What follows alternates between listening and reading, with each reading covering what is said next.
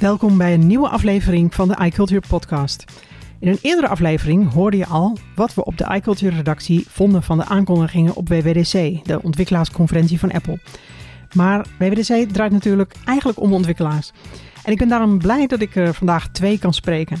En ik zeg er alvast van tevoren bij, uh, we hebben deze opname op afstand gemaakt en we konden elkaar niet zien. Dus het kan soms even gebeuren dat we door elkaar praten of dat er een stilte valt omdat het natuurlijk wel eens wisselt wie het beste een vraag kan beantwoorden. Nou, wie zijn die twee ontwikkelaars dan?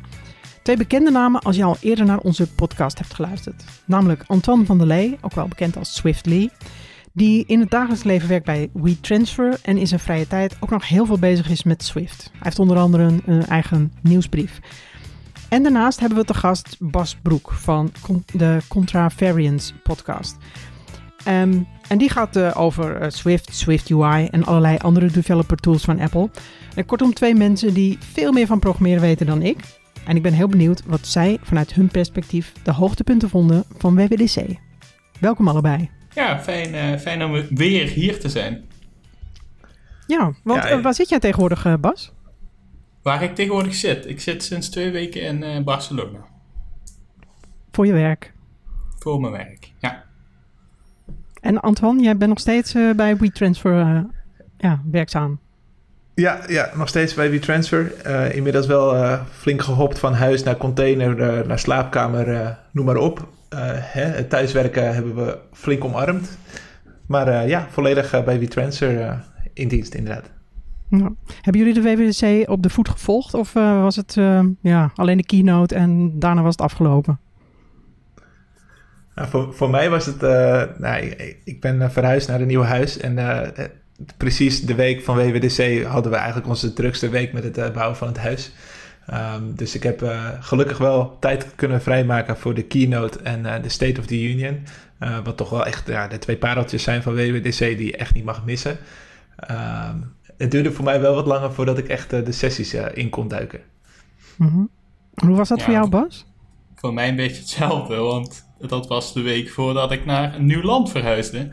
Uh, dus nou ja, het was ook wel een, een redelijk drukke week. Um, maar ondertussen heb ik, uh, heb ik wel nou ja, een deel kunnen volgen en een deel video's kunnen kijken. En ja, ik denk dat dat ook wel het mooie uh, is aan en een van de dingen die mooi is aan dit jaar, is dat de video's een stukje korter zijn. Dus dat, je, dat je het wat makkelijker kan behappen.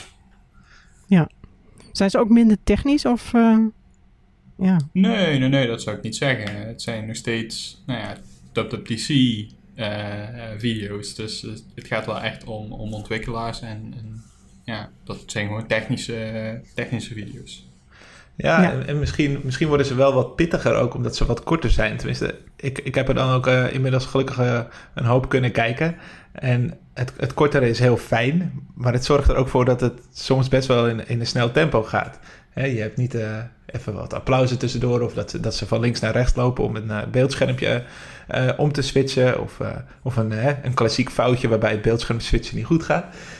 ja, dat ging eigenlijk, het gaat zo smooth dat je soms best wel goed, goed moet opletten. Ja, dat viel me ook op. En ook bij de keynote bijvoorbeeld, dat ging in zo'n tempo. Ook, er was natuurlijk geen applaus, dus, dus ik kon meteen doorgaan met het volgende onderwerp. Ja, ja het ging echt in een razend tempo. Ja. Toen moest ik ook meteen aan jullie denken hoor, gewoon niet. Want ik denk, ja, jullie moeten natuurlijk alles opschrijven. En ik denk, als je die applausjes niet hebt, dan wordt het toch wel iets lastiger. Ja, en die demo's. Demo's zijn voor ons echt van, uh, hè, kunnen we even bijkomen. ja.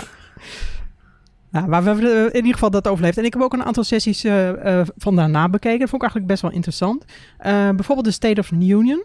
Um, Antoine, kan jij vertellen wat dat ongeveer is? Want ik denk dat de meeste mensen wel de keynote kijken, maar daarna uh, ja, afhaken. Terwijl er in de State of the Union toch ook nog best wel uh, informatie wordt gegeven. Ja, ja, ja klopt. Ja, ik, ik leg het tegen mijn, mijn Apple-vrienden eigenlijk altijd wel uit als... Uh, de keynote is een beetje het schilletje naar buiten. het publieke praatje van, nou, wat, wat is er nieuw? Wat komt er in iOS 14 op WatchOS? Hè? Wat zijn de nieuwe dingen? Um, en de State of the Union, zoals ik het zie, is echt een, een slag de diepte in. Vaak dus echt met technische details voor, ja, voor developers. En uh, daarin worden vaak ook nieuwe dingen aangekondigd die we nog niet gezien hebben in de keynote, maar die vooral dan dus interessant zijn voor uh, ontwikkelaars. Een van de dingen van vorig jaar, uh, herinner ik me, waar jullie ook heel erg enthousiast over waren, is Swift UI. Uh, waarmee je heel erg makkelijk uh, zou kunnen leren programmeren. Het bestaat nu één jaar. Bas, zou je kunnen vertellen wat er in dat jaar ehm, ja, eigenlijk aan vooruitgang is geboekt? Ja, ik denk dat, dat, dat Swift UI is inderdaad een heel nieuw user interface framework van, van Apple. en ik zou niet zozeer meteen zeggen van dat maakt het een stuk makkelijker, maar het is een stuk anders dan, dan wat we gewend zijn uh, van UIKit, uh, wat er voorheen was. En nog steeds is natuurlijk. Um, en Apple is, is super hard bezig geweest om dit uit te breiden. Want uh, ik vergelijk nog steeds een beetje met Swift 1. Dat was er, maar dan had je het ook wel een beetje gezien. Er zaten bugs in, er zaten dingen in die gewoon niet helemaal duidelijk waren. Uh, en iedereen moet zich nog een beetje vinden in dit nieuwe framework. Van oké, hoe kan ik hier mijn beste werk mee doen? En uh, ik denk dat hetzelfde is gebeurd met, met SwiftUI, waar we nu gewoon een stuk meer functionaliteit hebben. maar ook verbeteringen in de dingen die we, die we vorig jaar al zagen. Ja. ja en wat is er voor dit jaar dan? Ja? Oh ja, nee, ja, ik wou nog even doorgaan over als je kijkt naar afgelopen jaar. Um, want die, die ontwikkeling wat Bas zegt van hè, Swift, een nieuwe taal, uh, Swift UI werd natuurlijk ook als een, uh, als een nieuw product ge gelanceerd. En het is heel erg grappig hoe je uh, de community dat hebt zien om, omarmen. Er waren eigenlijk nieuwe ontwikkelaars die echt een soort van de pioniers aan het worden waren van, van Swift UI. je zag echt mensen groeien met apps bouwen. Tegelijkertijd ook eigenlijk aangeven van, nou, SwiftUI is nog beperkt in bepaalde, bepaalde gedeeltes. Maar door het jaar heen zag je wel echt steeds meer mensen een soort van SwiftUI uitproberen en, en enthousiast berichten delen op, op bijvoorbeeld uh, Twitter. Ja. En wat komt er dit jaar dan aan? Want dat heb ik eerlijk gezegd niet zo gevolgd. Ik heb natuurlijk wel iOS en iPadOS, uh, ja, alle nieuwe functies en zo bekeken. Maar wat is er voor ontwikkelaars aan developer tools en dan specifiek aan Swift UI? Nou, ik denk uh, wat ik net al uh, vertelde, er zijn een, een, aantal gaten ingevuld. Uh, dus een, Swift UI was nog lastig om een, bepaalde tabellen mee te maken of bepaalde collection views, zoals we die noemen. Dus, dus wat complexere lijsten te bouwen. Um, en dat zijn, dat zijn een aantal dingen die, die nu verholpen zijn. Technisch gezien, qua toegankelijkheid, accessibility, waren, waren een aantal dingen nog niet helemaal mogelijk. Dus vorig jaar zagen we voice control, waarmee je met je stem de Mac of de, I, de iPhone, de iPad kunt bedienen. en dat was iets wat niet mogelijk was met SwiftUI. Of in ieder geval niet om dat beter in te stellen. En mhm. dat zijn ook de kleine dingen die we nu zien van oké, dat wordt ook uh, aangepakt en dat, dat kun je nu ook gewoon, gewoon doen. Ja. ja, en je ziet ook best wel wat, wat toffe nieuwe mogelijkheden in, in echte API, dus het schrijven van de apps. Um, mensen die wel eens met Keynote hebben gewerkt in de, volgens mij heet het de Magic Move, waarbij je een soort van object van slide naar slide automatisch kan animeren. Um, dat is nu ook mogelijk in SwiftUI. Maar ook um, multiplatform support. Dat is echt ontzettend uh, ontwikkeld en het zag er ook echt een stuk beter uit. Uh, waardoor het nog uh, ja, makkelijker moet gaan worden om met SwiftUI meerdere platforms uh, te ondersteunen. Ja. ja, want we hebben op de site een, um, ja, een soort interview gedaan met een stuk of negen ontwikkelaars en gevraagd wat vonden jullie nou de grote aankondigingen op WWDC. En wat me daarbij opviel was dat er behoorlijk wat mensen waren die zeiden dat SwiftUI en, en hoe het zich ontwikkeld heeft, dat dat een grote vernieuwing was. Maar dat er vooral daarmee ook heel graag um, cross-platform app, apps wilden gaan maken. Denken jullie dat het... Ik denk dat dat... Dat, dat het, nou ja, ja meer mensen er nu mee bezig gaan? Uh, ik denk het wel, ja. Uh, sterker nog, wij zijn er op het werk mee bezig. Um, en waar we het voorheen over hadden, over UIKit, dat is iOS en iPadOS. Maar mm -hmm. dan was klaar. Nou, een stukje tvOS. Maar wat we nu zien is we hebben Swift UI en daarmee kun je in één keer bouwen voor iOS, voor tvOS, voor watchOS en voor macOS. Waarmee je niet in één keer een soort van iOS op macOS krijgt. Nee, je knop, dus je, je, je button die je, die je creëert, is een macOS knop op macOS en een iOS knop op iOS. Uh, dus je kunt met één taal, nou goed, het is niet helemaal een taal, het is een framework, maar het, het, gaat, gaat, die richting op. Met éénzelfde uh, framework kun je apps bouwen voor al je platformen. Dus dat maakt het echt een heel stuk makkelijker. En een heel stuk makkelijker ook om ja, mensen te onboorden en te begrijpen wat er, wat er gaande is.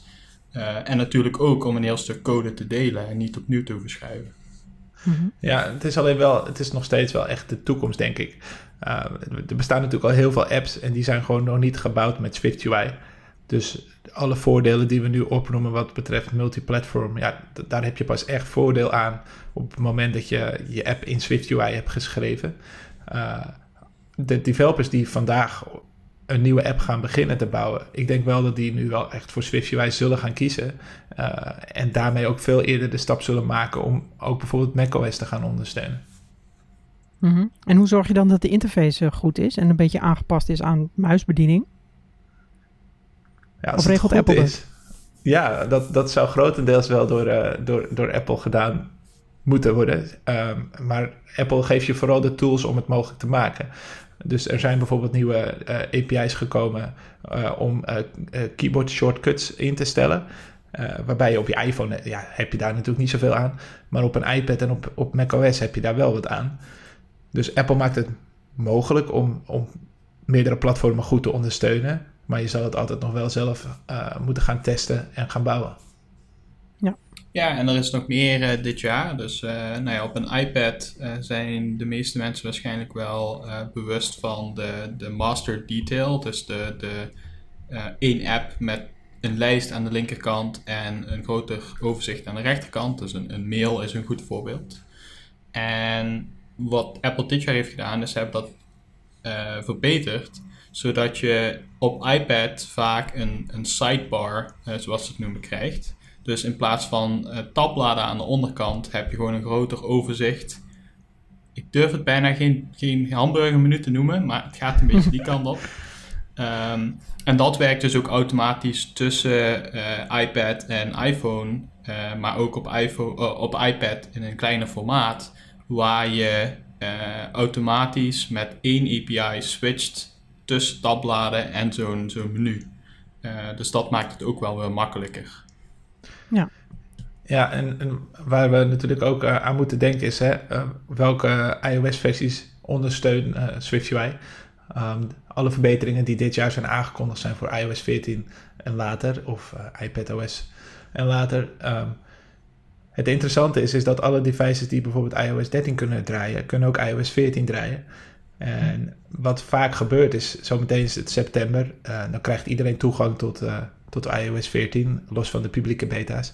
Uh, hoe snel wordt die adoptie? Hoe snel gaan mensen updaten naar iOS 14? Um, ehm, maar veel bedrijven, waaronder wij ook met WeTransfer, kiezen ervoor om het laatste OS-versie te ondersteunen, min 1. Dus dat zou in dit geval, vandaag is dat iOS 13 en iOS 12. En vanaf september zou dat iOS 14 en iOS 13 zijn. Maar gezien dat iOS 14 voor iedereen uh, beschikbaar is, uh, het heeft ook echt wel toffe features uh, wat, je, nou ja, wat het aantrekkelijk maakt om te updaten. Ben ik benieuwd of we dan ook niet heel snel iOS 13 misschien kunnen gaan droppen en, uh, en SwiftUI echt kunnen gaan omarmen in ook bestaande apps. Ja. Zijn er tijdens WWDC features geweest waar jullie meteen mee aan de slag willen voor jullie apps? Ja, nee, er zijn zeker, zeker features aangekondigd. er zijn er een aantal die ons leven voor als appontwikkelaar echt een stuk makkelijker maken in, in de Collect app die ik ontwikkel hebben we uh, in, in-app aankopen. En die zijn ontzettend lastig om te testen. in ieder geval tot voor kort was dat echt, echt heel lastig. En dit jaar hebben ze StoreKit testing aangekondigd. Wat voor de eindgebruiker niet echt interessant is. die zien er niet zoveel van. Maar voor ons ontwikkelaars zorgt het ervoor dat wij op de simulator, hè, dus op de iPhone, op de computer, kunnen wij vrij vlot scenario's testen als het annuleren van een abonnement of het aankopen van een in-app purchase. Ja, dat, dat gaat ons leven gewoon super veel verbeteren. Eh, we kunnen veel sneller dit soort features gaan ontwikkelen en testen. Dus daar ben ik wel echt super blij mee. En Ja, Bas? voor mij is het een, een stukje anders. Eh, ik werk in een bedrijf met, eh, met ongeveer 35 of tegenwoordig misschien wel 40 iOS developers. Ehm, en het is niet zomaar dat ik kan kiezen waar we aan, aan werken. Ehm, maar er zijn super toffe dingen waar ik zeker eh, naar wil gaan kijken of, of waar we als bedrijf zeker naar willen kijken. Ehm, bijvoorbeeld een, een widget eh, om eens te kijken van oké, wat, wat zijn daarmee de mogelijkheden en, en hoe kunnen we daarmee eh, een stukje functionaliteit naar de gebruiker brengen op een manier eh, waar ze er nog meer aan hebben. Ehm, een stuk met het feit dat we met SwiftUI bezig zijn, van oké, hoe kunnen we dat gaan uitbreiden op, op iOS 14 eh, en hoe kunnen we dat nog een stukje verbeteren. Ehm, en misschien kunnen we dan op den duur, want dat is een beetje, idee, eh, een beetje het idee van, van SwiftUI, dat we ook de iPad beter gaan ondersteunen. Eh, misschien kunnen we dan een stukje later ook kijken van oké, die, die, dat hamburgermenu, eh, hoe kunnen we daar, daar hoe kunnen we dat gaan omarmen om, om ook de, de, de iPad te verbeteren. En de widgets zijn natuurlijk ook heel makkelijk cross-platform te maken, want die zien er op, ja, op de drie platformen eigenlijk hetzelfde uit. En je zou ze misschien in de toekomst ook nog ooit in WatchOS kunnen krijgen. Ja, nou goed, we zijn eh, eh, voorlopig eh, waarschijnlijk nog niet op macOS. Ehm, dus, maar goed, het is tof om te weten dat als je, als je zo'n widget bouwt en, en straks naar een ander platform eh, toe gaat en dat ook gaat ondersteunen, eh, dat je dat widget eh, ook gewoon mee kan nemen. Mhm. Ja, en het is interessant eh, bij widgets om te weten dat je kan, ze- je kan ze alleen maken met Swift UI. En daarmee geeft Apple ook wel echt een duidelijke richting aan naar de ontwikkelaars. Van eh Swift UI is gewoon echt de toekomst wat ons betreft. Uh, en ik denk dat heel veel ontwikkelaars ook wel enthousiast worden om in bestaande apps met widgets aan de slag te gaan. Omdat dat toch misschien wel een soort van eh, laagdrempelige manier is om met Swift UI eh, te gaan werken in bestaande apps. Maar is dat heel makkelijk te doen dan? Want ik heb juist gehoord dat een widget maken nog best ingewikkeld is. Nou ja, het, kijk, het is relatief best wel te doen, denk ik. Ik- Het lastige is, dat zijn nieuwe API's, dus die moet je weer even leren. Maar eh, de sessies die uit zijn gekomen op WWDC, die zijn heel erg duidelijk. Geven duidelijk aan hoe het werkt. Maar je hebt wel eh, te maken met, met ja, eh, background updates, zoals dat heet. Dus hè, je widgets moet je bij gaan houden. En je moet ervoor zorgen dat ze eigenlijk direct zichtbaar zijn op het moment dat eh, een gebruiker zijn iPhone unlockt. Het kan bijvoorbeeld niet zo zijn dat je je iPhone unlockt en je zit vervolgens vijf seconden naar de spinnen te kijken, omdat je moet wachten op die widget. Um, en dat is denk ik de grootste uitdaging bij, bij widgets. Het, het up-to-date houden van de data zonder dat de gebruiker daarop aan het wachten is. En hoeveel vrijheid en mogelijkheden heb je daarbij als eh, ehm, programmeur eigenlijk? Ehm, heeft Apple eigenlijk alles voorgeschreven? Of mag je eigenlijk ja, het, zo wild maken als je zelf wilt? Nou ja, Apple helpt je wel eh, een bepaalde richting op. Ehm, dus er is bijvoorbeeld een, nieuwe API. eh, en ik denk dat dat ook heel erg helpt in het bouwen van, van widgets. Waar je met één regel code kan zeggen: Oké, geef mij een placeholder. Geef me een, Mhm. een tijdelijke overga- eh, weergave van dit scherm. Eh, dus waar we in veel apps eh, een zogenaamd skeletscherm zien, terwijl de data aan het laden is, dat kun je nu gewoon in één regel doen. En je bent klaar. Mhm. Dus ik denk op die manier dat Apple ook wel zegt van oké, zorg dat het snel laat, maar wij zorgen er ook voor dat je, dat je mooi die, die transitie hebt. Ehm, maar goed, dat, dat is één regel code. Dat betekent natuurlijk ook dat je er weinig aan kunt veranderen. Dus, dus Apple die jou vertelt, zo ziet het eruit als jouw widget aan het laden is. Ja, en, en er zijn wel wat beperkingen. Ehm, ze geven ook duidelijk aan in, in die sessies van hey, widgets zijn geen complete, geen complete apps. Uh, je bent echt wel beperkt. Uh, de, er zijn drie verschillende formaten. De, de kleine, het middelformaat en het grote formaat. In het kleine formaat heb je bijvoorbeeld niet de mogelijkheid om knoppen toe te voegen. De hele widget is één knop en die zal jouw app gaan openen. Waarbij je bij de middelformaat en de grote formaat wel wat meer mogelijkheden hebt qua knoppen. Maar uh, het is dus wel wat, wat beperkt. Waar je bijvoorbeeld bij de today widgets toch wel iets verder kon gaan met wat, wat meer interactie. Dus dat zou misschien ook wel een soort van nieuwe, nieuwe uitdaging zijn om daarin weer de, ja, de toevoeging weten te vinden voor, voor jouw app. Mhm. Wat, ik, wat ik hier heel interessant vond is, eigenlijk zijn het gewoon complicaties, maar dan iets groter. Ja, of dus lenzen zoals vroeger. Dus als je uh, een WatchOS ook al een stukje ondersteunt, dan weet je waarschijnlijk wel wat je wil met een widget. Want eigenlijk is het vrij vergelijkbaar. Ja. Hmm. En, um, en appclips, daar is natuurlijk ook eh, heel veel over te doen geweest. Um, ik heb van vrij veel ontwikkelaars gehoord dat ze daar heel graag mee aan de slag willen. Ook omdat het, ja, ik heb die sessie gezien en het leek heel erg makkelijk. Je klikt aan van ik wil dit en dit en dit in mijn appclip hebben en uh, klaar. Nou is het natuurlijk niet, niet zo heel makkelijk, maar um, denken jullie dat, dat bedrijven dit gaan oppakken en, of, uh, en gaan consumenten het ook echt gebruiken? Ja, ik denk dat het voor, uh, voor bedrijven eigenlijk net zoals met widgets. Hè. Widgets zijn een soort van manier om zichtbaar te zijn voor de, voor de gebruiker terwijl je app niet open is. En uh, met, met appclips heb je een soort vanzelfde uh, verhaal. Want het is heel lastig, of heel lastig, het is een grote uitdaging vaak om gebruikers jouw app te laten installeren. Uh, de, de, de, weg naar, naar jouw app toe is, kan soms best lang zijn. Mensen moeten jou gaan vinden in de App Store. Ze moeten van iemand anders horen van, hey, deze app is tof, installeren. Um, en ik denk dat AppClips een soort van nieuwe manier kan zijn om uh, ja, gebruikers naar je app toe te halen. Uh, en eigenlijk al een soort van voorproefje te geven van, nou weet je, uh, als je de, de collect app van WeTransfer wilt gebruiken, dan kan je dus op deze manier foto's toevoegen. En dat, dat zie je dan op een hele snelle manier. En ik persoonlijk, weet je, want dat hoor je ook, dat heel veel ontwikkelaars zeggen van, nou ja, ik moet nog maar zien of, of ontwikkelaars dit gaan gebruiken, of ze de tijd nemen om het in te bouwen. Ik ben van mening, ik, ik denk echt dat het heel raar zou zijn als bedrijven als Starbucks of McDonald's hier geen gebruik van gaan maken.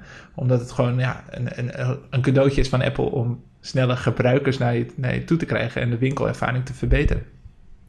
Ja, maar tegelijk wil je natuurlijk ook dat ze die complete app installeren. Ja, het zou kunnen. Hè. Er is wel een limiet. Hè. Een app mag uh, maximaal 10 MB zijn. Maar in theorie zou dat je complete app kunnen zijn. Uh, echter, er zitten wel wat meer haken en ogen aan. Je bent wat beperkt met bepaalde uh, hè, toegankelijkheden. Een appclip kan niet overal bij. Uh, mm-hmm. Maar goed, ja, ja, sommige simpelere apps die zouden misschien best wel in zo'n appclip kunnen passen. En ik, ik zie wel heel veel mogelijkheden voor uh, dingen zoals de, de scooters die we overal zien. een taxi, inderdaad wat Antoine zegt, een, een restaurant of een winkel. Of een bioscoop. Ik denk dat het daar heel, een heel laagdrempelige manier is om met een app in aanraking te komen. En dan ligt het aan het bedrijf. Maar goed, dan zal ik, zou ik niet heel verbaasd zijn als, als de bedoeling is inderdaad om, om de gehele app te gaan downloaden. Um, maar het is een hele goede stap. Een hele makkelijke, relatief gezien, uh, makkelijke stap om, om die app te gaan installeren, om die app te gaan ervaren. Het, het, is wel een, uh, het is wel een uitdaging voor ontwikkelaars om het uh, in te bouwen. Um, het ligt er echt aan hoe je je app hebt gestructureerd. Dus um, het, het, is een klein beetje technisch, maar apps kunnen opgebouwd worden uit losse delen als het ware. Dus dat je een apart gedeelte hebt wat het inloggen van een app regelt, of een apart gedeelte wat, wat het, het, tonen van een foto regelt als dat echt aparte onderdelen zijn, dan kan het voor een ontwikkelaar vrij makkelijk zijn om een appclip ook te gaan bouwen. Omdat ze eigenlijk die bouwblokken bij elkaar zetten in een appclip. Maar als je een app hebt die niet op de juiste manier gestructureerd is, dan kan het echt best wel een behoorlijke uitdaging zijn om, om een appclip te bouwen. Omdat je toch dezelfde code wilt gaan gebruiken. Uh, mm. En dat kan nog wel eens een drempel zijn voor sommige bedrijven om, uh, om toch in eerste instantie geen appclips te gaan bouwen. Bas, was er um, uh, op WWDC, want er zijn natuurlijk heel veel onderwerpen aan de orde geweest. Was er een, een bepaalde sessie of een onderwerp op WWDC um, ehm, wat, wat jij super interessant vond? Of waar jouw collega's heel veel over gepraat hebben? Iets wat echt heel erg speelde? Um, niet echt, moet ik heel eerlijk zeggen. Uh, het is vrij, vrij rustig geweest voor zover de, de aankondigingen. ik denk ook dat het een, een, een een S-jaar is geweest. Wat dat betreft, als we kijken naar, naar de iPhones. Swift UI was vorig jaar, Catalyst was vorig jaar. Dat soort dingen zijn nu, nu verbeterd. Um, maar dat wil niet zeggen dat het niet interessant is. Want misschien juist wel gaver dat het juist dat stukje beter is in plaats van alles nieuw. Um, en iets waar ik me heel erg mee bezig hou is, is toegankelijkheid, is accessibility. Um, dus dat mhm. is altijd iets waar ik, uh, wil, ik heel erg naar uitkijk. Um, en de sessie uh, make, make your app visually accessible, maak je app uh, visueel toegankelijk, is gewoon weer een mooie opfrisser om te kijken van oké, wat heeft Apple dit jaar gedaan om, om dat weer een stukje makkelijker te maken. Uh, en een stukje interessanter te maken om dat uh, uh, toe te voegen. Ja. En Antoine, heb jij nog een, een sessie waar, nou, waar je helemaal gek van werd? Zo leuk? Ja, ik, ik ben zelf echt een productiviteit guru.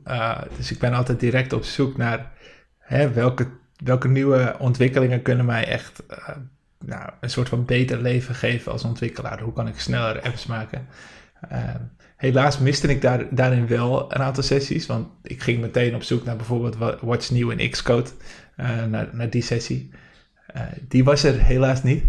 Um, maar ik ben zelf wel bezig met, met een ander. Ik heb een, ik heb een eigen framework online staan waarmee je met App Store Connect kunt praten.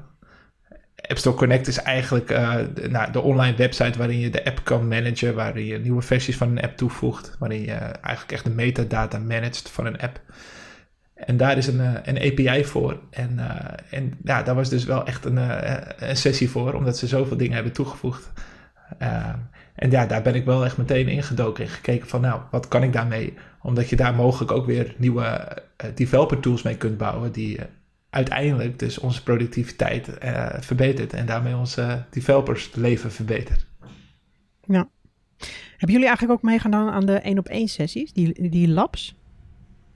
Niet tijdens, uh, tijdens WWDC. Uh, nogmaals, omdat ik, dat ik vrij druk was. Uh, maar een aantal maanden geleden heeft Apple een, een accessibility event gehouden via WebEx. Um, En daar heb ik toen wel aan, aan kunnen, kunnen deelnemen en ook een, een één-op-één gesprek. en ik heb mensen horen zeggen dat ze, dat ze nu ook weer WebEx hebben, hebben gebruikt. Um, ja, het is gewoon een super ervaring. Ik, ben, ik heb het geluk gehad dat ik een jaar naar, naar WWDC in, in San Jose ben kunnen gaan. heb kunnen gaan. En de labs, daar gaat het om. Daar gaat het om. Dat, dat is wat WWDC WWDC maakt. dus helaas heb ik er dit jaar geen gebruik van kunnen maken. Maar ik weet dat, dat, dat het super tof is om, om zo één op één over jouw app, over jouw feature te praten. Of over jouw bug misschien zelfs wel. Ja. Ja, want die toegankelijkheidssessie, dat was ook een beetje, ja, dat werd een beetje gepresenteerd als een soort voorbereiding voor WWDC, toch?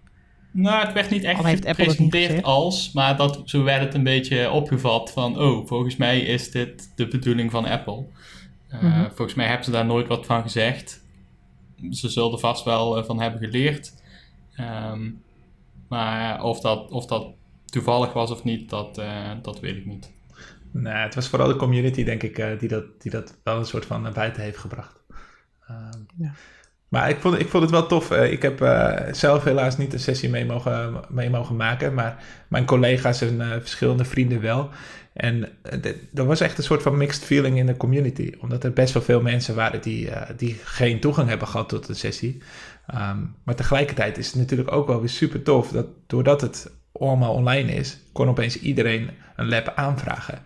En ik, heb me laten vertellen in een, in een andere podcast dat de Apple engineers eigenlijk een overzicht kregen van alle vragen en zichzelf konden inschrijven op een bepaalde vraag, alsof ze wisten van, nou, die kan ik zeker beantwoorden. Um, dus de kans is groot dat er gewoon een aantal vragen gewoon niet beantwoord zijn, omdat ze simpelweg nou, niet de mogelijkheid zagen om ze te beantwoorden en dus dan ook niet de tijd willen voldoen. Mhm. Maar het mooie is dat, dat doordat het allemaal gepland was, konden de Apple-engineers zich echt ontzettend goed voorbereiden. Ja, ik heb zelfs een verhaal gehoord van een engineer die uh, van tevoren een oudere WWDC session uh, is gaan kijken om zich echt helemaal in te lezen. En daardoor ook heel efficiënt zo'n lab uh, te kunnen gaan doen. Waarbij er gewoon, nou, volgens mij in 9 van de 10 keer werden er echt wel gewoon duidelijke antwoorden gegeven met ofwel een antwoord wat echt een goed antwoord is, ofwel gewoon alternatieve hacks als het ware, omdat het op dit moment nog niet mogelijk was. Ja, dus eigenlijk is het krijg je ja, een betere kwaliteit antwoorden omdat mensen zich kunnen voorbereiden. Terwijl normaal in zo'n eh, lab, als je er ja, fysiek aanwezig bent, dan moet maar net degene die tegenover je staat, moet ja, snel een antwoord geven. Ja, dat, dat is Vind enerzijds... Je dat voordelen? Nou ja, ja kijk, uh, bij WWDC, hè, in, in person, uh, kom je binnen in een hele grote zaal waar allemaal verschillende ruimtes staan hè, voor, voor alle verschillende vragen. En zeker vorig jaar was bij Swift UI stond gewoon natuurlijk een ontzettend lange rij, omdat het nieuw was en heel veel mensen hadden vragen. Maar wat gebeurt er nou? Er staat een rij van 40, 50 man en je moet gewoon wachten tot je aan de beurt bent. En dan weet je niet eens of ze jou een antwoord hebben waar je mee verder kan. Je Mhm. bent vervolgens ben je wel gewoon een, half uur of misschien wel een uur aan het wachten. Uh, ja, weet je, dat is ook weer tijd die je kan gebruiken om een andere sessie te kijken. Dus ik denk dat, dat online labs wel echt een ontzettend groot voordeel zijn. In ieder geval, uh, in ieder geval het inschrijfgedeelte online, uh, waarbij je dan direct een antwoord kan krijgen. Ja. Uh, hoe zou Apple dat volgend jaar dan moeten doen? Dus, zien jullie een, een, combinatie van online en fysiek uh, voor ogen? Of moet het eigenlijk maar gewoon zo ja, digitaal blijven? Ja, ik denk dat het sowieso natuurlijk wel een goede vraag is uh, of, of het volgend jaar fysiek kan. Um, ik bedoel, uh, het is nog steeds een pandemie en ik denk dat, we, dat, dat niemand weet, uh, sterker nog, ik weet wel zeker dat niemand weet hoe, hoe het in de komende maanden gaat zijn. Um, dus ik, ik zie de kans wel, wel groot in dat, dat het online gaat blijven. Um, want ja, het is natuurlijk ook een stukje voor Apple waar Apple zegt van hé, hey, we willen de planeet beter maken, we willen het goed doen voor het, voor het milieu, et cetera. Is online natuurlijk ook gewoon een heel stuk interessanter. Um, ik, ik, ik, zou, ik zou mij niks verbazen als het, uh, als het online blijft. Ja, ik, ik, vraag het me wel af. Um, ik denk sowieso, hè, mocht het ooit weer in person uh, zijn, dan denk ik wel dat ze een soort van balans gaan proberen te vinden tussen, uh, tussen wat ze hebben geleerd van het online gedeelte en uh, wat ze gewoon fijn vinden van het, van het hè, offline gedeelte. Um, een voorbeeld is eigenlijk wat ik, wat ik net opnoemde met de labs. Ik denk dat het heel efficiënt kan gaan werken als je ook tijdens een in-person WWDC kunt inschrijven op labs met een bepaalde vraag en dat je dan gewoon een berichtje krijgt van hey, oh, je bent uh, vanmiddag om twee uur welkom in de, in de ruimte waar de vragen beantwoord worden. Uh, ik denk dat, dat dat heel goed samen gaat werken.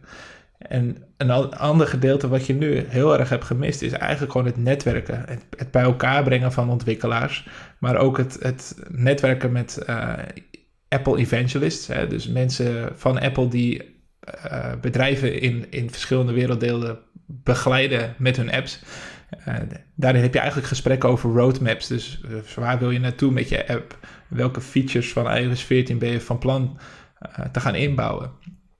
Dat zijn eigenlijk allemaal meetings naast de parties die altijd in person plaatsvonden in, in San Jose. En ja, dat, dat, dat heb ik dit jaar niet echt vervangen zien worden. Dus ja, ik, ik zou ik zou het enigszins kunnen begrijpen als het online blijft, maar ik zou wel echt uh, teleurgesteld zijn als de pandemie voorbij is, dat we dan niet alsnog een uh, in-person WWDC gaan krijgen. Ja, dan was het voor jullie natuurlijk, uh, nou een van jullie was aan het klussen, de andere aan het verhuizen, wel handig dat het allemaal online gebeurde, want daardoor verscheen er ook heel veel informatie online. Dat mensen gingen erover twitteren en nou, op fora bijvoorbeeld informatie delen.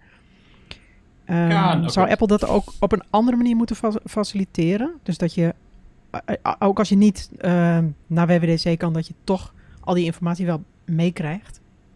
Ja, ik denk dat, dat dat een deel is wat, wat Apple uh, sowieso al goed deed.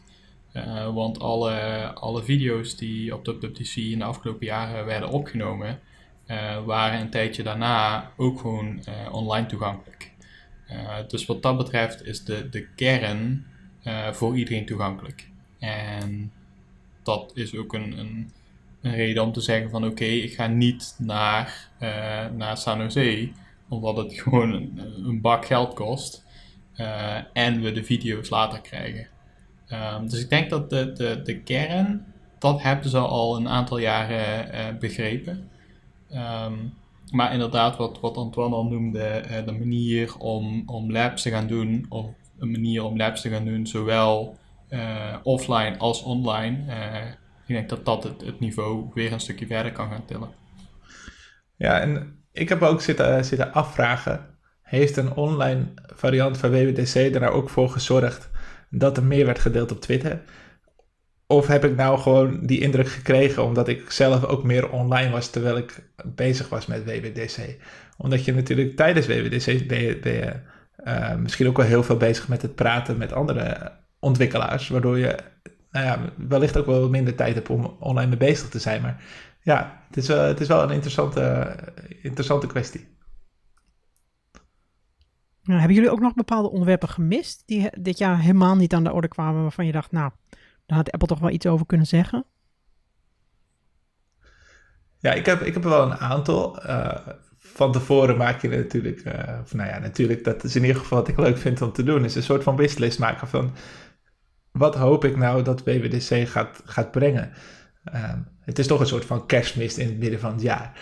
En uh, ik, ik, ik had wel een lijstje. Twee jaar geleden heeft, heeft Apple een bedrijf overgenomen wat BuddyBuild heet. En BuddyBuild hield zich uh, bezig met, nou, dat heet dan continuous integration. Het, het, zorgt er eigenlijk voor een stukje automatisering van het, uh, testen van applicaties, het, het, aanleveren van applicaties bij, een, bij de App Store.